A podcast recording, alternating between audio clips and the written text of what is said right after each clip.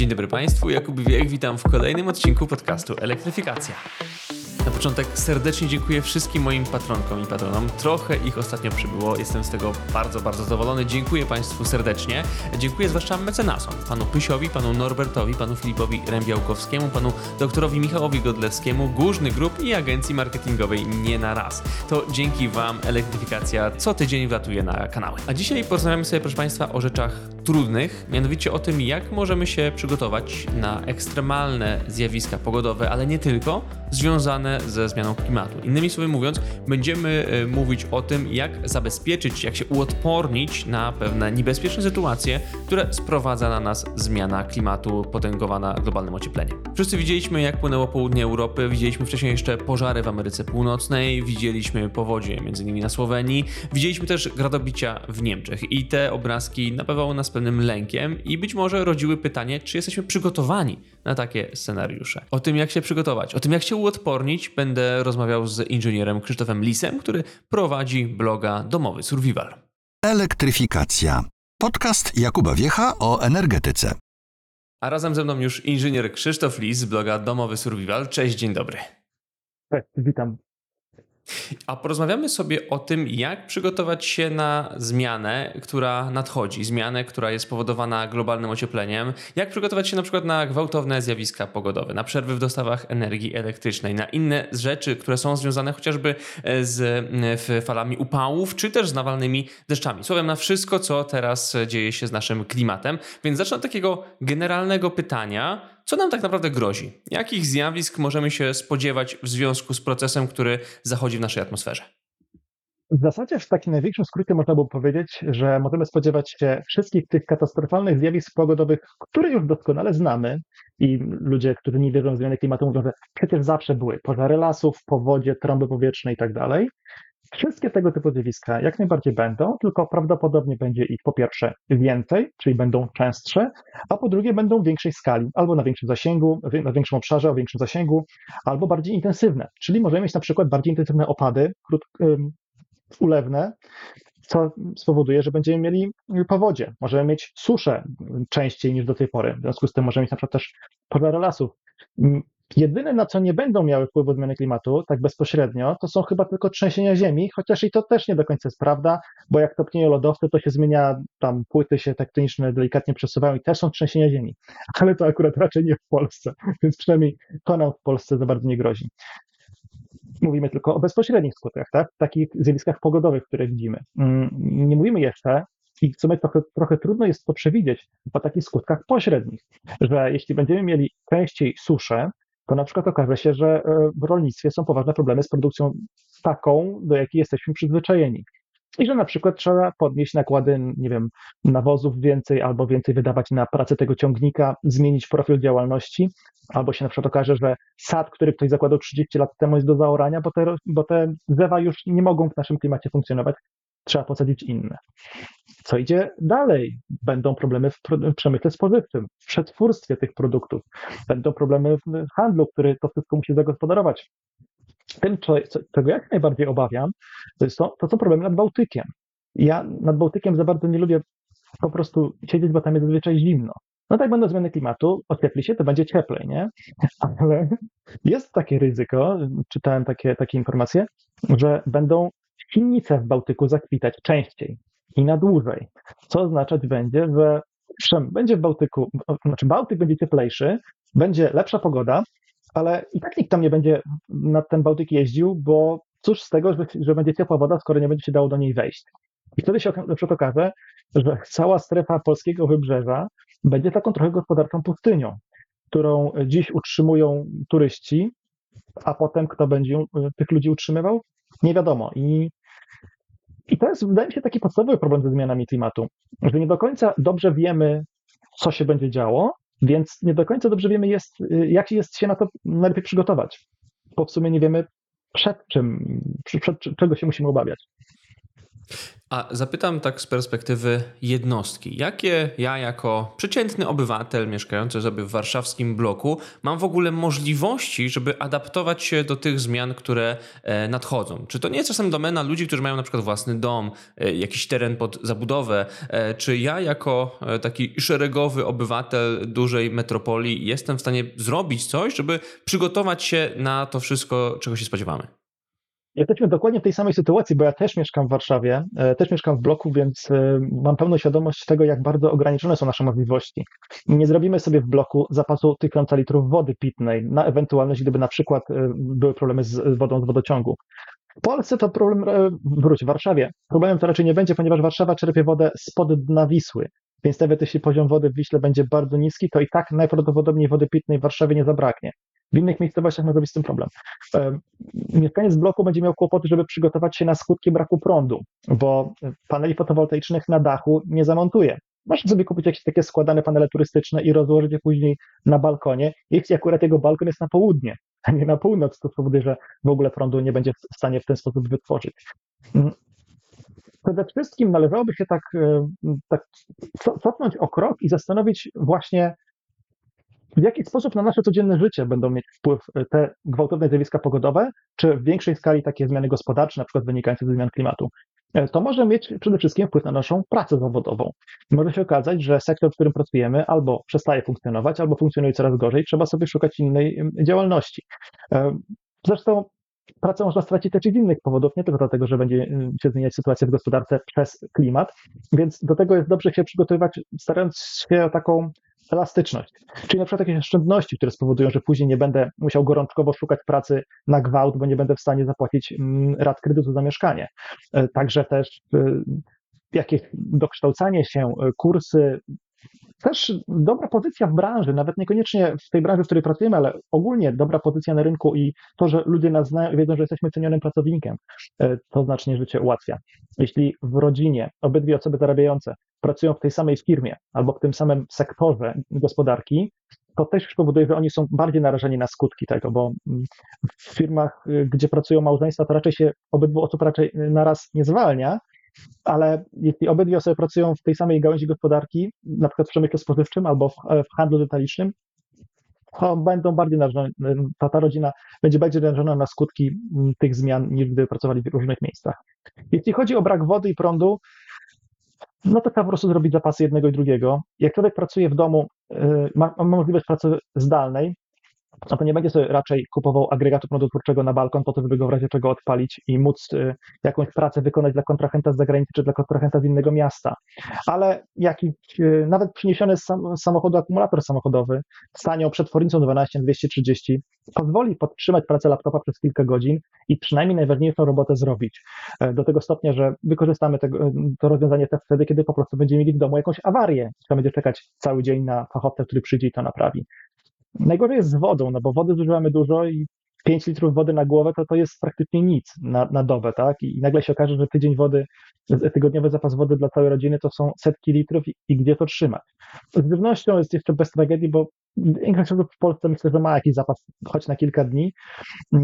Trzeba też mieć gotówkę, bo jeśli przez mm, problemy z pogodą, na przykład trwałe ocieplenie klimatu. Okaże się, że polskie elektrownie mają problemy z chłodzeniem bloków energetycznych, bo jest za niski poziom wody w Wikli, a to kilka elektrowni wyłączy.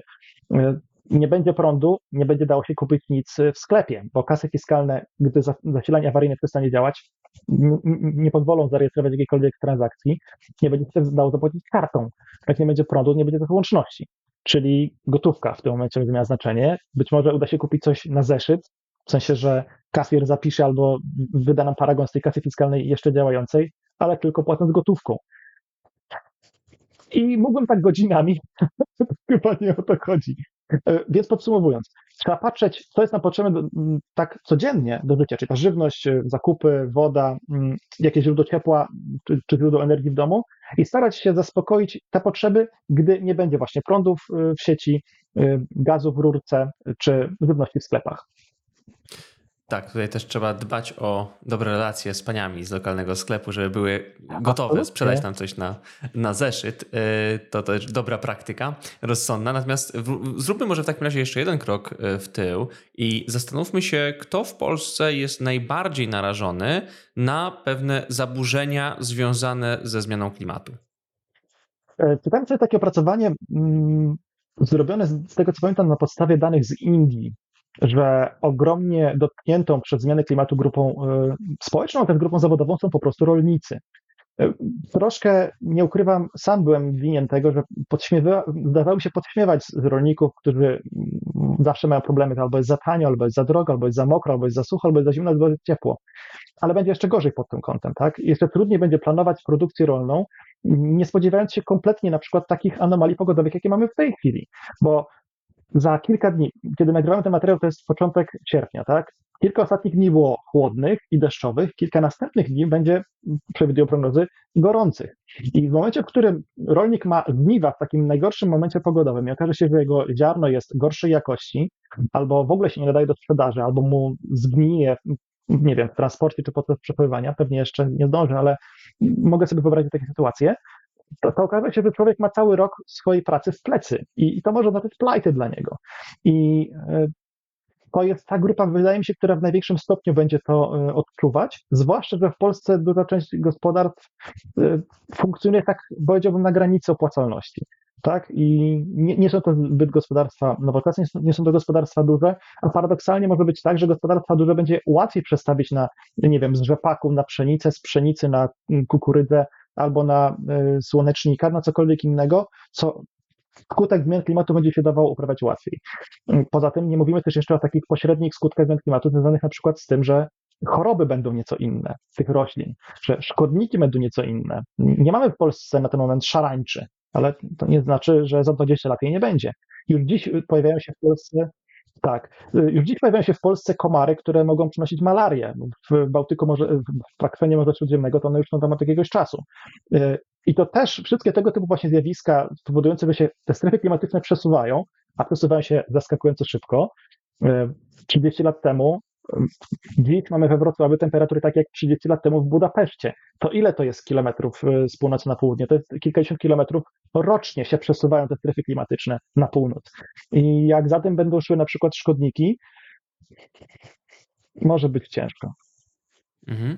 To y, skoro zidentyfikowaliśmy sobie tą grupę, y, która jest najbardziej narażona, tak w zasadzie kompleksowo, jeżeli chodzi o swoje no, przetrwanie na mm, zmianę klimatu, myślę, że do tych osób jeszcze moglibyśmy dołożyć na przykład osoby starsze, które mają problemy podczas fal upałów, czy też osoby z chorobami krążenia, co też odczuwają wysokie temperatury e, w negatywny sposób. To zastanówmy się teraz może, co jest najbardziej zagrożone. W sensie, jaka infrastruktura, jaki z naszych systemów infrastrukturalnych, które mamy w Polsce, których używamy, jest najbardziej zagrożony, podatny na niebezpieczeństwa związane ze zmianą klimatu?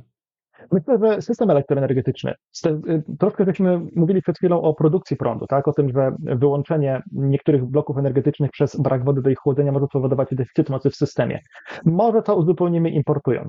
Może to uzupełnimy w danym momencie z odnawialnych źródeł energii. No tak się akurat szczęśliwie składa, że latem mamy więcej prądu z fotowoltaiki, tylko kurczę, niestety nie przez cały dzień, tylko w środku dnia. Z drugiej strony latem rośnie też i najprawdopodobniej będzie dalej w przyszłości rosnąć y, zużycie prądu do klimatyzatorów, bo im będzie goręcej, tym więcej ludzi będzie sobie te klimatyzatory montować i to też, no na szczęście przynajmniej tyle, że klimatyzatory zużywają najwięcej prądu wtedy, kiedy fotowoltaika produkuje najwięcej, bo to się zazwyczaj zgrywa, że jest gorąco oraz słonecznie w tym samym momencie.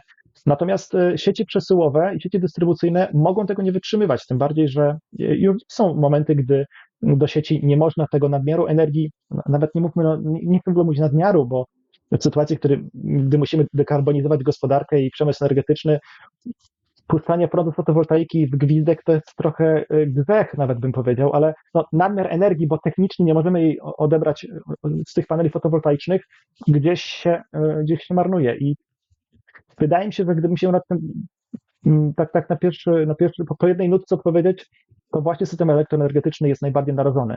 A to jest y, fundament gospodarki, kręgosłup y, i krwiobieg jej, bo nie będzie działać również łączność, nie będzie działać prawdopodobnie przesył gazu, bo fakt, że tłocznie gazu to sobie funkcjonuje w oparciu o ten gaz, który spalają, żeby ta tłocznia mogła funkcjonować, ale cała ta automatyka, która tam gdzieś na tych zaworach i tak dalej jest pomontowana, ona wymaga i łączności i prądu. Nie chcę się nawet nad tym zastanawiać, bo czym innym jest to, że nie ma gdzieś prądu przez dwa tygodnie w skali jakiegoś powiatu, bo e, drzewo w środku zimy złamało się na sieci energetycznej, na, na kabel i nie można tego za bardzo szybko naprawić, ale gdy takie problemy będą w skali na całego województwa, to to już jest zupełnie inny problem, bo to oznacza wyłączenie ludzi z pracy, to oznacza wyłączenie e, dostaw wody, żywności, a ktoś tam kiedyś powiedział, że my jesteśmy jako społeczeństwo rozwinięte dziewięć posiłków od anarchii, bo ludzie mają jedzenia na trzy dni w domu. A co potem?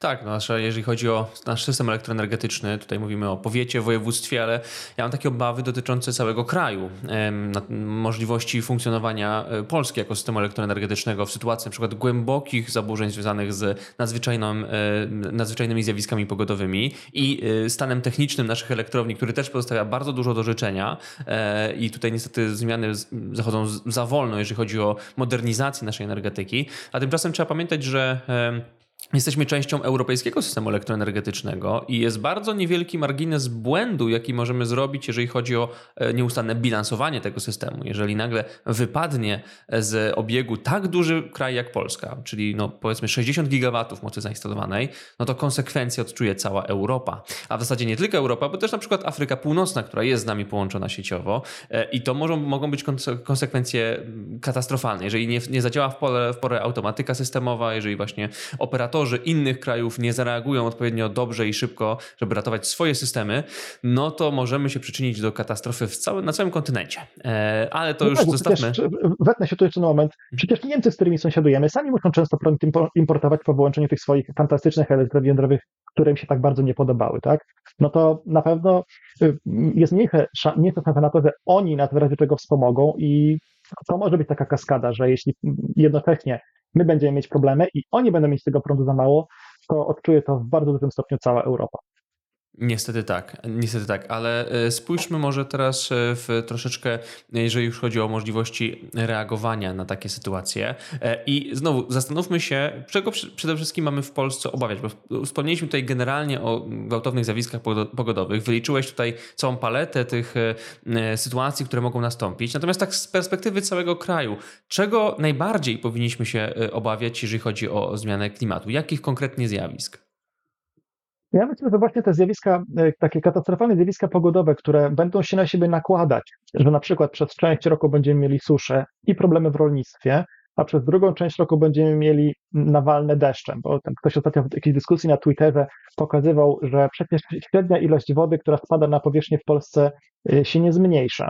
Tak, tylko się zmniejsza i zmienia się jej rozkład, najpierw jest długo sucho, a potem intensywnie pada. Jak jest gleba sucha, to nie wsiąka woda w nią, w związku z czym ta woda sobie spływa i e, jeśli nie popracujemy nad retencją tej wody możliwie blisko miejsca, gdzie ona spadła, a nie w formie zbiorników retencyjnych na Witle czy na Odwę, e, to ta, ta, woda będzie po prostu uciekać błyskawicznie do Bałtyku. I tak jak się w Polsce mówi już od wielu lat o tym, że mamy suszę, tak to zjawisko będzie jeszcze bardziej dotkliwe, bo to, że tej wody spada tyle samo, temperatura rośnie, to jak wiemy, jak jest cieplej, to więcej wody paruje, więc ten bilans jest jeszcze bardziej dla Polski niekorzystny. I ja bym się osobiście tak w dłuższej perspektywie właśnie tego najbardziej obawiał, że e, będą duże problemy w rolnictwie, problemy w zaopatrzeniu w wodę. Już e, kilka lat temu przecież wiele miejscowości ogłaszało ograniczenia w poborze wody. Na przykład, że nie można sobie w sobotę i w piątek podlewać ogródka ani umyć samochodu. W niedzielę można, bo nikt tego nie robi, w związku z czym w niedzielę wolno, ale w sobotę i w piątek nie tego typu zjawiska będą się zdarzać.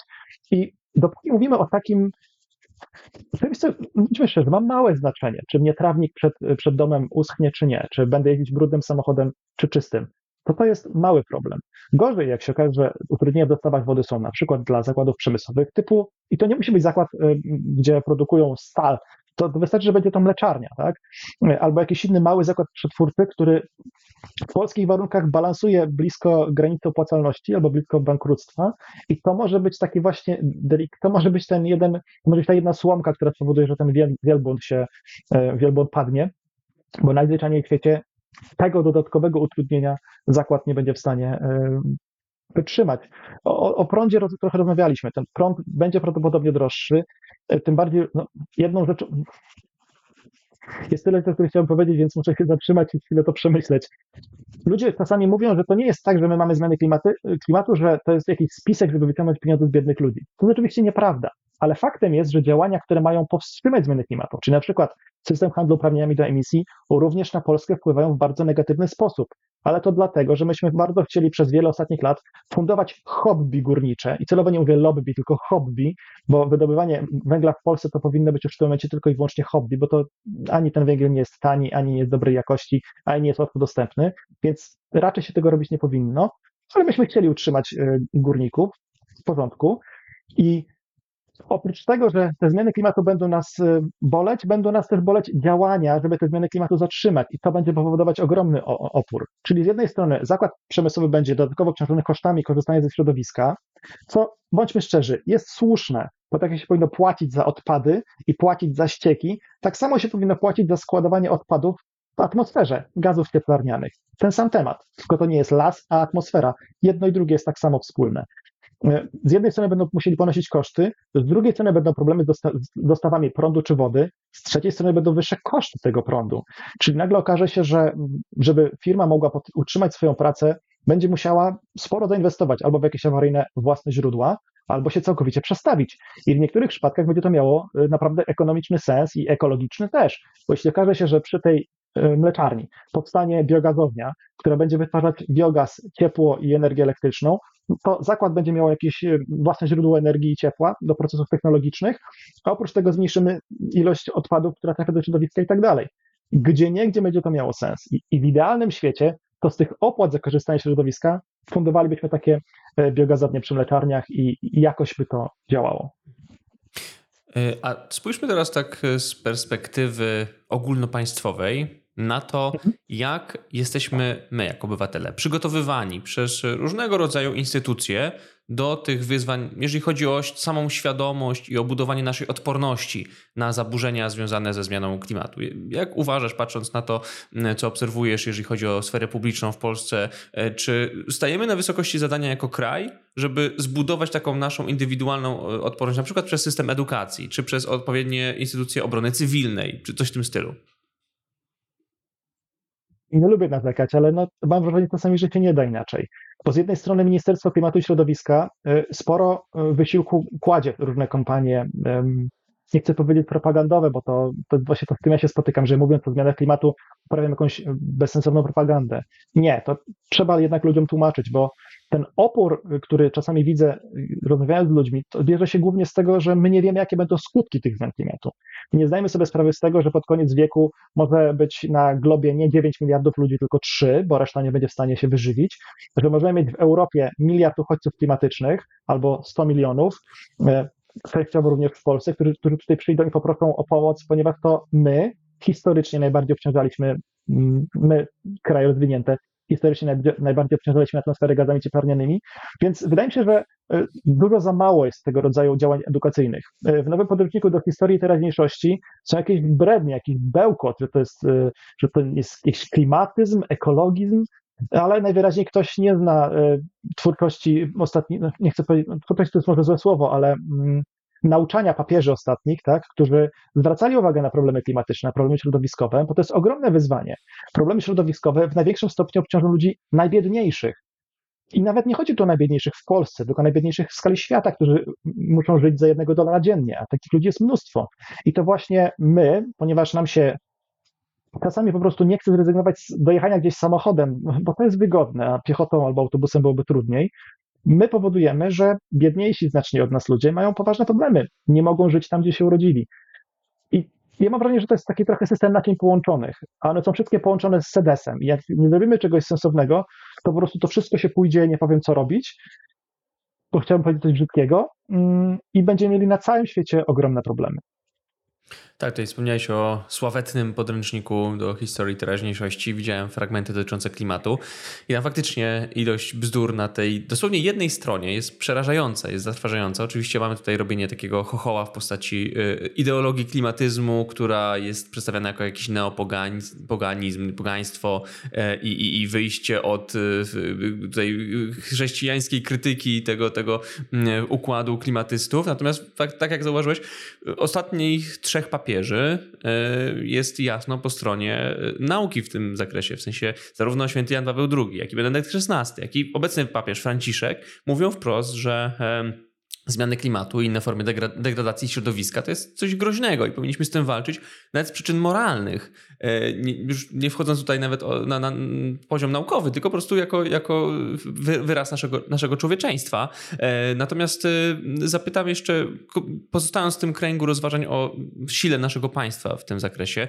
czy uważasz, że jesteśmy jako organizm państwowy gotowi na to, żeby sobie poradzić w takich sytuacjach, e, które mogą nas spotkać. Bo obserwuję na przykład to, co się działo niedawno w Słowenii e, w związku z powodziami. Obserwuję to, co się działo w Niemczech, kiedy w sezonie letnim spadło nagle tyle gradu, że musiały pługi śnieżne wyjechać na ulicę. Widzieliśmy wszyscy, co się działo na południu Europy podczas pożarów, na przykład na wyspie Rodos. Widzieliśmy też, jak płonęła Nowa Anglia i w ogóle Ameryka Północna, zwłaszcza Kanada. Czy Polska jako kraj jest strukturalnie gotowa na tego typu y, obciążenia, które mogą na nas spaść. Powiem zupełnie szczerze, że czuję, że nie, ale też zaznaczę, że to moje przeczucie nie bierze się z tego, że gdzieś widziałbym jakieś odznaki y, niewydolności czy złego przygotowania naszego państwa.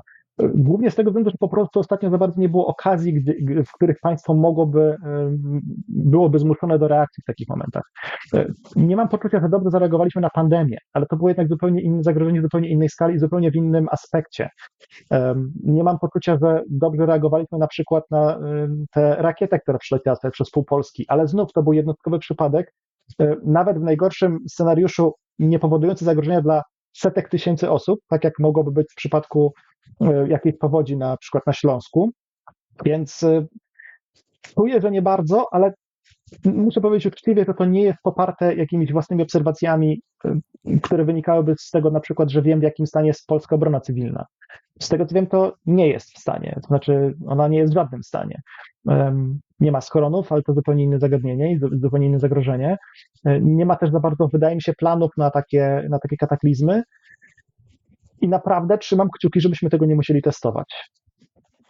To przejdźmy teraz do tego, co my możemy zrobić jako e, ludzie, żeby się przygotować. E, I mam takich parę scenariuszy, które e, chciałbym z Tobą omówić, mianowicie z perspektywy różnych osób w Polsce, które mieszkają, jak, co możemy zrobić, żeby się realnie zabezpieczyć, przynajmniej podnieść tą naszą odporność. Omówiliśmy już trochę mieszkańca dużego miasta, natomiast przyjmijmy tak hipotetycznie, że e, mowa o e, dziewczynie w wieku lat powiedzmy 30, która mieszka w e, takim mieście od 250 tysięcy mieszkańców wzwyż, mieszka w bloku, mieszka sama. Co ona może zrobić, żeby zabezpieczyć się na te wyzwania, które mogą przed nami stanąć? Ona jest z kotem czy bez kota? Powiedzmy, że z kotem. Zmienię, Albo z innym zwierzęciem. z innym zwierzęciem. To robi się trochę trudniejsze, kiedy oprócz siebie samego trzeba zadbać o kogoś jeszcze od nas słabszego. O dziecko, o staruszka, o schorowaną mamę, czy właśnie jakieś zwierzę domowe, którego też dobrostan leży nam na sercu.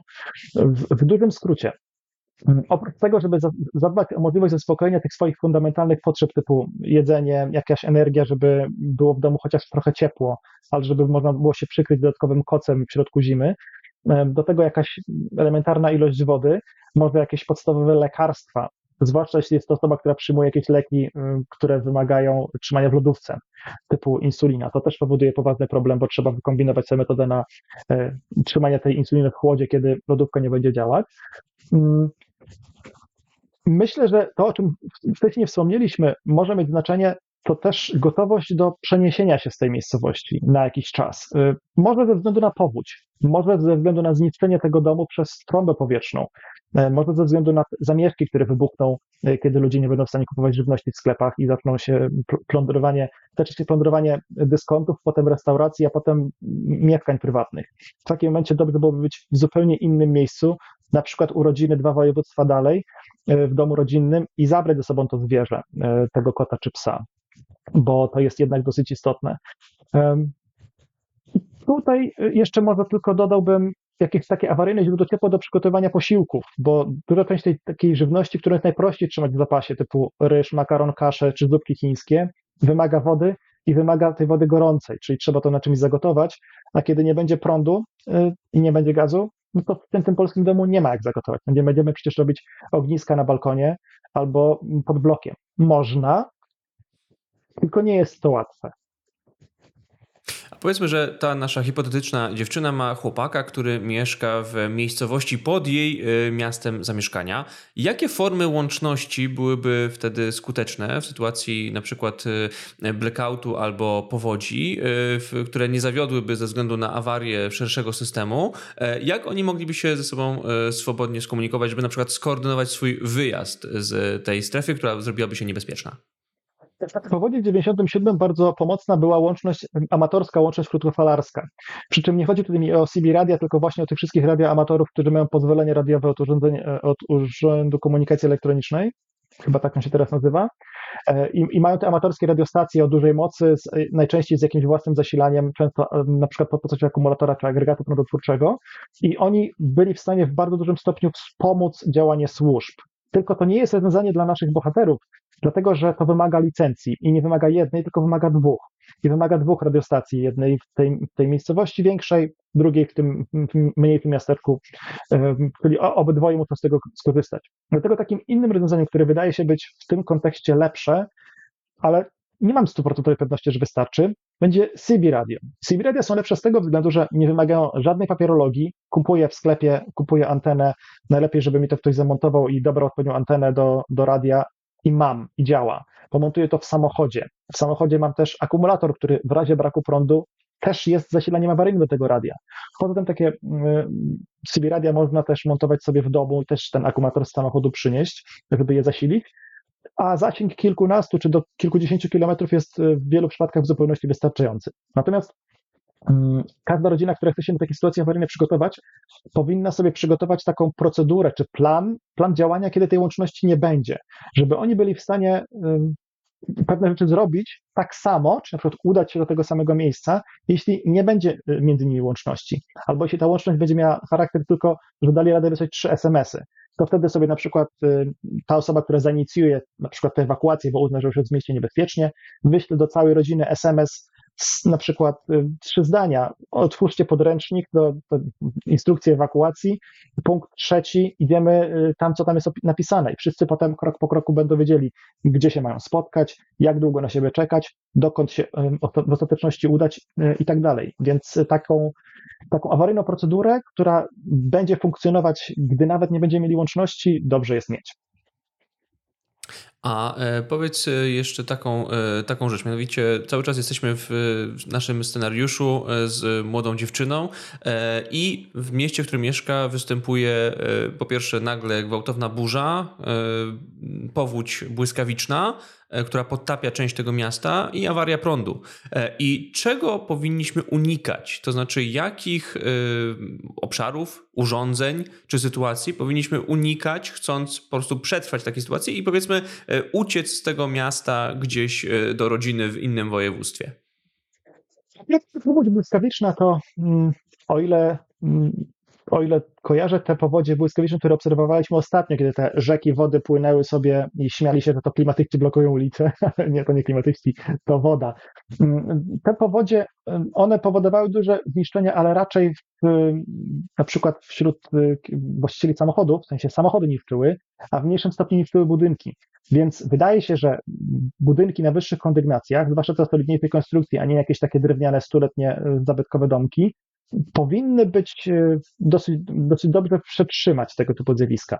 Ale na pewno trzeba śledzić e, te alerty RTB i prognozy pogody i kiedy mówi się wszędzie o tym, że tego dnia może naprawdę intensywnie padać, to zastanowić się, czy aby na pewno tego dnia powinienem planować podróż metrem, czy aby na pewno tego dnia powinienem planować podróż samochodem przez tunel, na przykład ten w Świnoujściu nowy, tak? czy, czy któryś z warszawskich nowych tuneli, e, tego tunelu trasy południowej obwodnicy Warszawy, który jest w dużej części e, pod ziemią, w związku z czym utknięcie tam w czasie takiej błyskowicznej powodzi e, mocno nie polecam, 2 na 10. Natomiast w ogóle, w ogóle unikanie przebywania na świeżym powietrzu, jakkolwiek źle to brzmi, w takich momentach może mieć znaczenie, może decydować o życiu i śmierci, bo nie trzeba du dużej, dużej katastrofy, żeby zginąć. Wystarczy, że jest wichura i urwie się jedna dachówka z dachu, albo jedna gałąź z drzewa, tak? I po prostu niefortunnie trafi mnie w potylicę, śmierć na miejscu i nawet nie ma co, co zbierać z człowieka. No nie, no jakieś organy z niego pewnie dałoby się wykorzystać, chociaż wtedy wszystko będzie poblokowane i nawet się ich nie zdąży dowieść do, do biopsów, więc myślę, że akurat jedna rzecz, która uważam Państwu wyszła ostatnio dobrze, to są właśnie te alerty RCB, które do ludzi po prostu docierają. I może powinniśmy się zastanowić nad tym, czy wysyłać je tak często jak teraz. To znaczy, bo często ludzie to bagatelizują, że o, znowu napisałeś, że będzie wiało, żeby sprzątnąć doniczki z balkonu. Ostatnio nie sprzątnąłem, nic się nie stało ale teraz akurat może wtedy by było to potrzebne. Więc być może trzeba ten system dopracować, żeby te ostrzeżenia były na mniejszym obszarze, dzięki czemu będą rzadsze, dzięki czemu będą lepiej sprecyzowane, bo powoli zaczynam obserwować to, że ludzie się nimi nudzą i to powoduje taką znieczulicę, że a tam poprzednio mówili, że będzie wiało i nie wiało, to teraz mówię, że będzie padało i kto by się tym przejmował. Yy, ostrzeżenia plus dostosowanie swoich takich, takiego funkcjonowania, że na przykład zostanę dłużej w domu albo dłużej w pracy, żeby przeczekać ulewę i nie utknąć gdzieś w samochodzie w tunelu pod wodą, yy, to może decydować o życiu lub śmierci.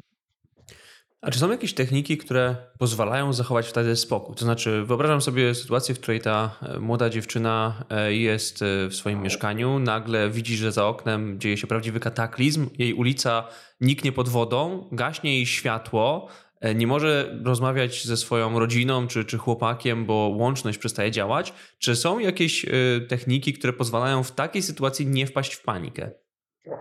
Nie jestem fachowcem od takich technik psychologicznych, więc tutaj się nie będę wymądrzał. Pewnie są jakieś, e, gdzieś kiedyś słyszałem, że przećwiczenie sobie takich scenariuszy e, myślowo, wyobrażenie sobie ich po prostu, wyobrażenie sobie tego, co człowiek będzie czuł i wyobrażenie sobie, jak będzie wtedy funkcjonował, e, pozwala mózgowi się trochę z tym scenariuszem oswoić i lepiej funkcjonować, gdy już ta sytuacja ma miejsce. Ale nie jestem fachowcem, więc się nie będę wymądrzał. Natomiast z całą pewnością w takich scenariuszach bardzo pomaga to, że my wiemy, co robić że my wiemy dokładnie, z czym się to zagrożenie wiąże. Że na przykład sobie wcześniej przemyśleliśmy, że ja mieszkam na trzecim piętrze i ta powódź błyskawiczna, gdyby miała mm, gdyby miała zadanie, gdyby miała szansę wedrzeć się do mojego mieszkania na trzecim piętrze, to, to musiała być to powódź, która spowoduje, że zginie setki tysięcy osób i taka powódź jest bardzo, bardzo mało prawdopodobna. Wtedy widząc tę wzbierającą wodę, będę prawdopodobnie troszkę lepiej się czuć, myśląc, że okej, okay, zbiera woda, tutaj już śmietnik sobie płynie, o, tu już pierwszy samochód płynie, ale ja jestem bezpieczny, ponieważ mieszkam dostatecznie wysoko. Poza tym też, e, czyli z jednej strony informacja o tym, wiedza o tym, co nam dokładnie zagraża i że nam to w sumie nie zagraża, ale z drugiej strony też wiedza o tym, jak postępować, bo ludzie się najczęściej boją nieznanego, tak? To jest strach przed tym, co będzie później. Ale jeśli wiem, jak mam funkcjonować, jeśli wiem, że mam pewne zabezpieczenia przed skutkami takiej awarii, że mam ubezpieczone mieszkanie, że w najgorszym razie po prostu ten samochód w garażu podziemnym e, będzie trzeba wyrzucić, bo zostanie zalany przez wodę, to w moim odczuciu, i to też z moich obserwacji wynika, e, powoduje, że człowiek jest znacznie spokojniejszy, bo wie, co go czeka i wie, że jakoś to będzie. W Polsce przyświeca nam do pewnego stopnia ta filozofia właśnie, że zawsze jakoś to będzie, ale to jakoś będzie łatwiejsze, jeśli się do pewnych rzeczy przygotujemy, przemyślimy, y, może coś nawet kupimy na te trudne czasy, albo właśnie zadbamy o lepsze ubezpieczenie mieszkania. Mhm.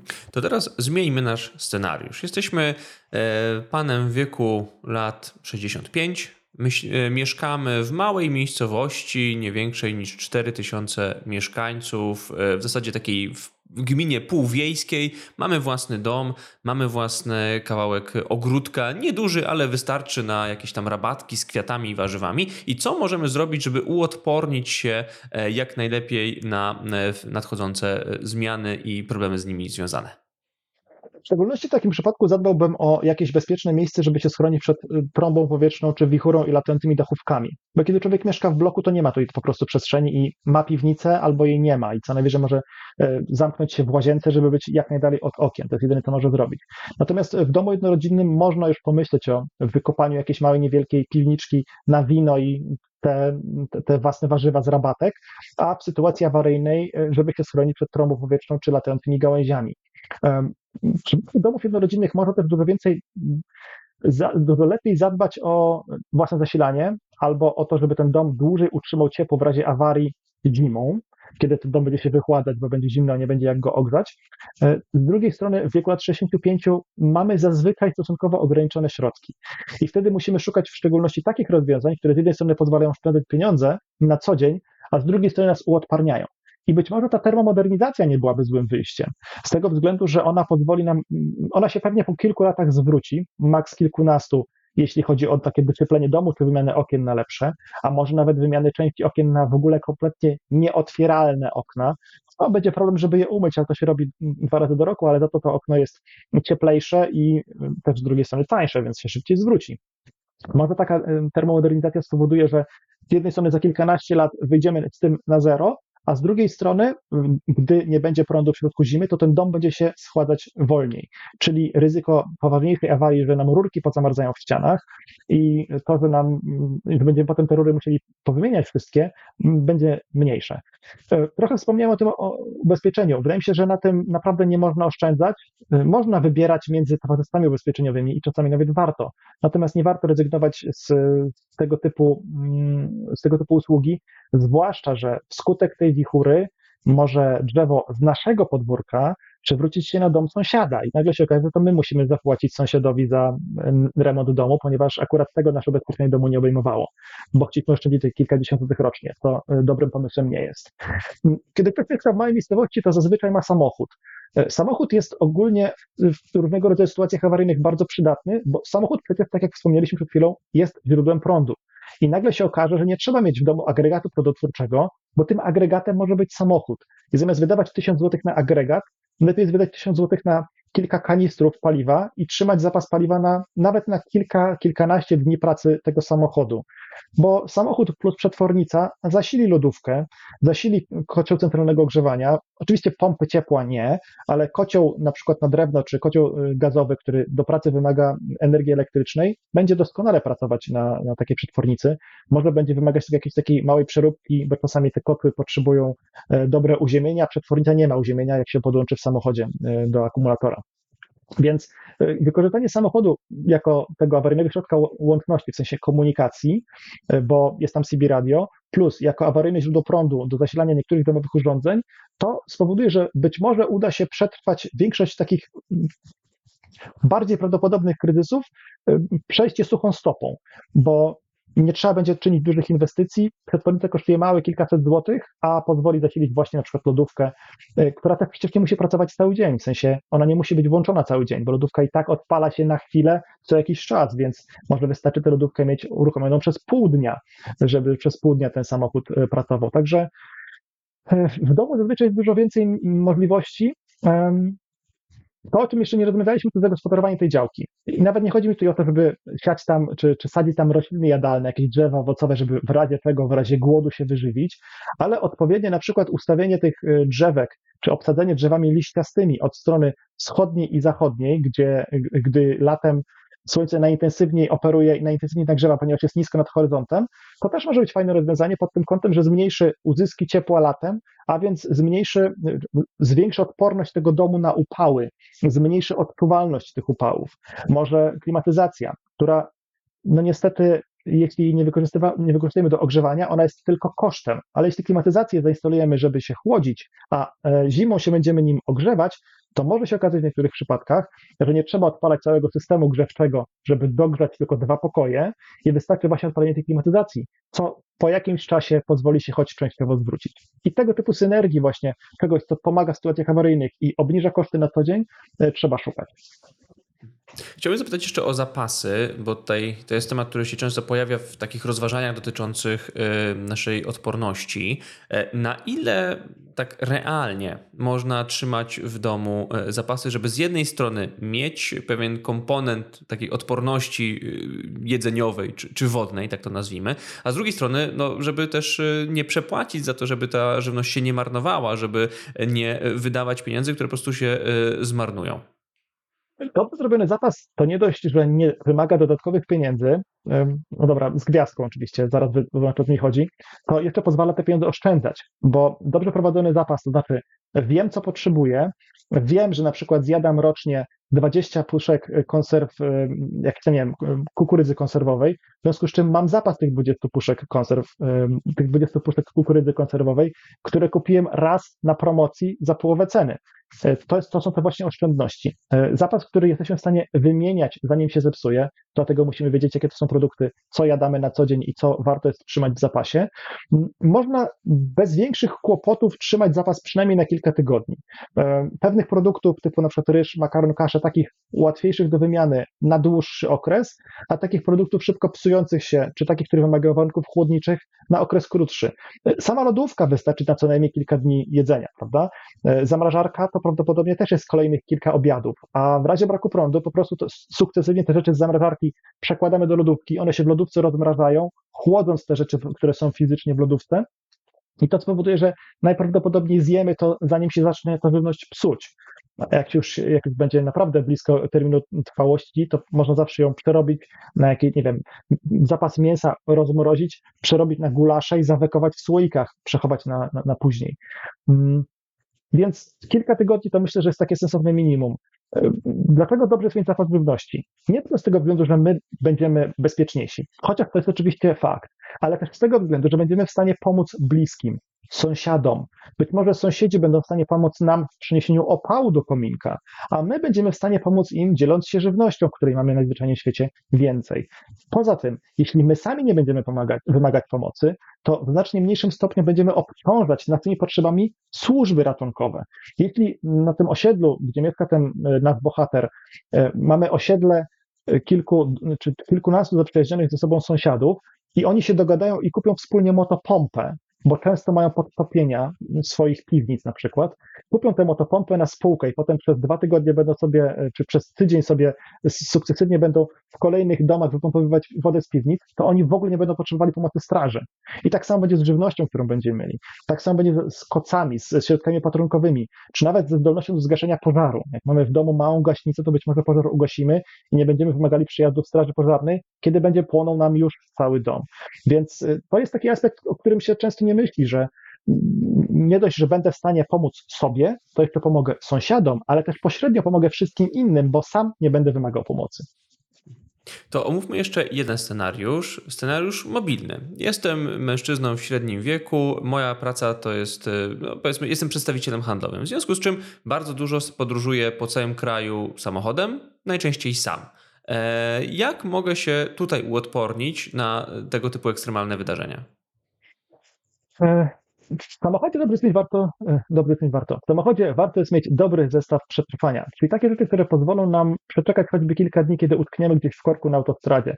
Może korki na autostradzie nie będą trwać kilka dni, ale fakt, że na przykład mosty w okolicy zostaną zniszczone albo będą zablokowane trasy przez połamane drzewa i będzie trzeba je udrażniać przez, przez kilka dni, albo z jakichś innych względów, y, nie wiem, wskutek y, suszy, będą problemy w rolnictwie, rolnicy będą blokować jakieś główne arterie komunikacyjne, bo, bo taki, taka będzie ich metoda strajku, nagle się okaże, że nie jesteśmy w stanie wrócić do domu. To zazwyczaj w takich sytuacjach wystarczy pokój hotelowy, który sobie wynajmiemy na dwa dodatkowe dni, przeczekamy tam i będziemy mieli problem z głowy.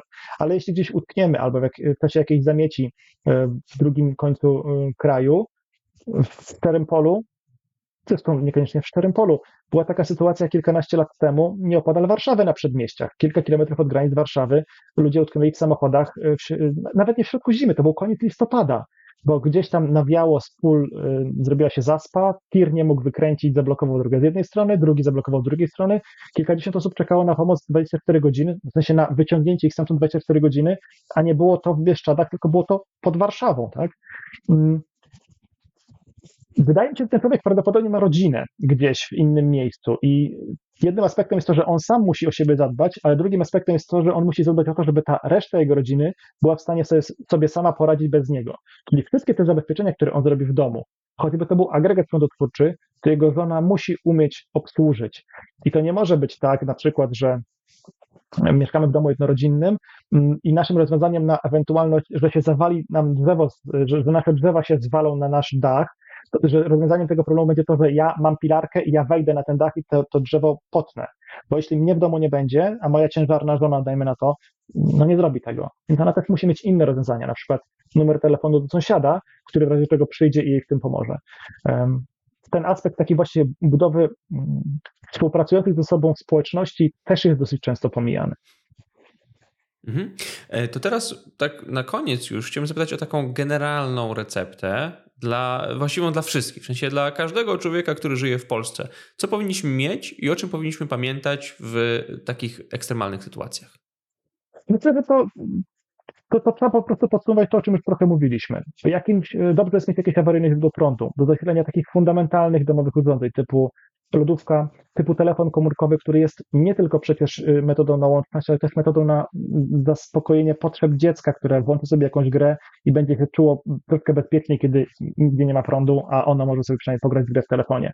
W telefonie są też latarki, więc jest, jest źródło światła w sytuacji awaryjnej. Jakiś niewielki zapas wody, jakiś niewielki zapas żywności, y, choćby ze dwa czyste wiadra, żeby wodę do domu przynieść. Nawet lepiej nie wiadra, tylko jakieś takie pojemniki, które da się zakręcić. Bo jak nie będzie wody z wodociągu, to przedsiębiorstwo wodociągowe powinno podstawić beczkowozy, ale tę wodę z tego beczkowozu trzeba jakoś przynieść, a nie przyniesiemy jej w wiadrze, które jest na co dzień kosztem na śmieci, bo jest brudne, plus jest wiadro się będzie wychlabywać. Do tego jakieś awaryjne źródło ciepła do przygotowywania posiłków. Choćby najprostsza gazowa kuchenka na kartusz, w ostateczności taką kuchenką można też podgrzać powietrze w pokoju i trochę będzie y, ten mróz mniej nieznośny, choć oczywiście trzeba zadbać o wentylację, żeby się nie zaczadzić, i ta, ta wilgoć, która się wytwarza przy spalaniu gazu, żeby nie była dokuczliwa. Ze dwa koce termiczne, żeby z jednej strony nakleić je na okno na zewnątrz, y, gdyby upały były nieznośne, ale od wewnątrz, gdyby były problemy z y, ogrzewaniem w zimie. Jakieś koce dodatkowe, żeby się nimi przykryć, albo zrobić z tych koców fort pod stołem dla dzieci i w tym forcie siedzieć, bo zawsze będzie tam troszkę cieplej y, niż, w reszcie pokoju.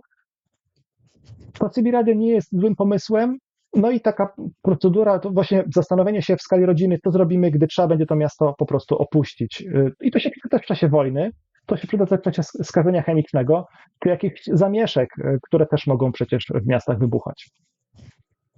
Bardzo dziękuję. Dziękuję za podzielenie się swoją wiedzą i e, cennymi informacjami dotyczącymi tego, jak sobie radzić w tych ekstremalnych zjawiskach pogodowych, których niestety przybywa. Mam nadzieję, że e, ten podcast dotrze szeroko do osób, które e, w naszym kraju mogą się niejako czuć pominięte, jeżeli chodzi o taką podstawową edukację w, w tym zakresie. Pamiętam, co było w zeszłym roku podczas kryzysu energetycznego, tego najbardziej dotkliwej jego fazy, gdzie rozmawialiśmy o blackout boxach i o tym, jak się zabezpieczyć na braki energii, no wtedy się ujawniło to, że e, wiele, wielu z nas po prostu nie wie, e, jakie rzeczy mogą być potrzebne, jakich rzeczy e, należy, należy sobie przygotować na takie sytuacje. Także jeszcze raz serdecznie dziękuję. Dziękuję również i mam tylko takie, taką nadzieję, że nam się to nigdy nie przyda.